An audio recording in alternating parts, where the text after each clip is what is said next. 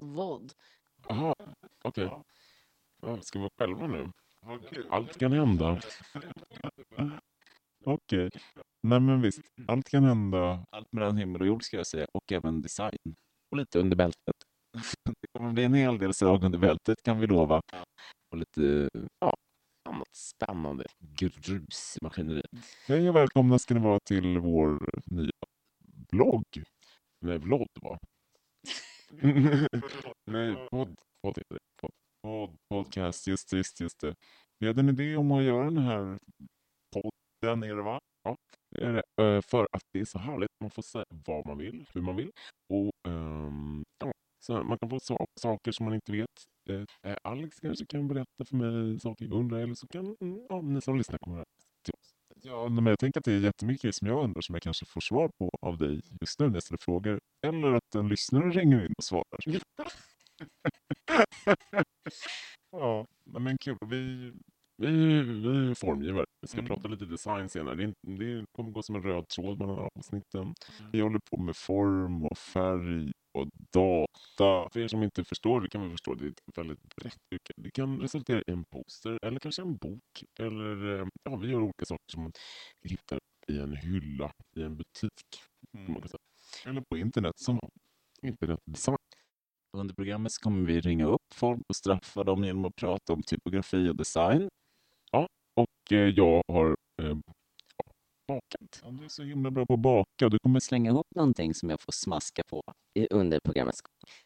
Men vi skulle börja kanske med Viktor, så det berätta en anekdot från något dåligt vi har gjort när vi gick i skolan. Men då kan jag berätta vad jag gjorde när jag gick på Konstfack.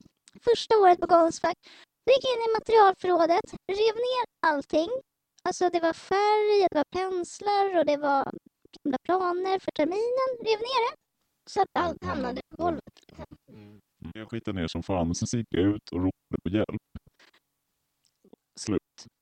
Ja, men det känns bra. För att jag kände ju liksom då att jag fick ingen uppmärksamhet och det blev skitjobbigt för mig. Sen började jag skämmas ganska mycket för sabbat. För det var många studenter som, ja, men som klagar.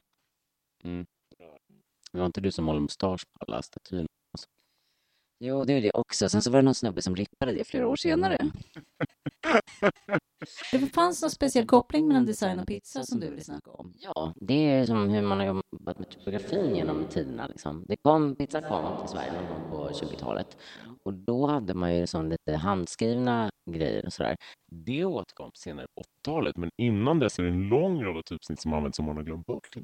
Bland annat Futura och liksom lite, bland annat Eurostyle Futura och Och hur, hur kopplar vi det här till pizzan idag? Alltså stenugnsbakad pizza och hur kopplas hur är kopplingen mellan det och till exempel Futura och Jill Sans? Ja, det har ingen koppling. Vi behöver baka mer tror jag. Jag tror att vi behöver gå mer hands-on och gå rakt ner i degen. I alla fall, jag har gjort en pizza baserad på all historik. Så i, i den här pizzan ligger historiken som du kan få smaka på här. Och då vill jag att du eh, är ärlig nu. Jag, jag tar inte illa upp om du... Den ser god Mm. ut. Jag tycker den här ser god ut. Mm. Du vet inte Brita, vad fan har du haft i den? Det är trolldeg. Ja, trollpizza. Men det är en konceptuell pizza med kopplingar till typografisk historia. Ja, så det är lite rucola-sallad, men det var så jävla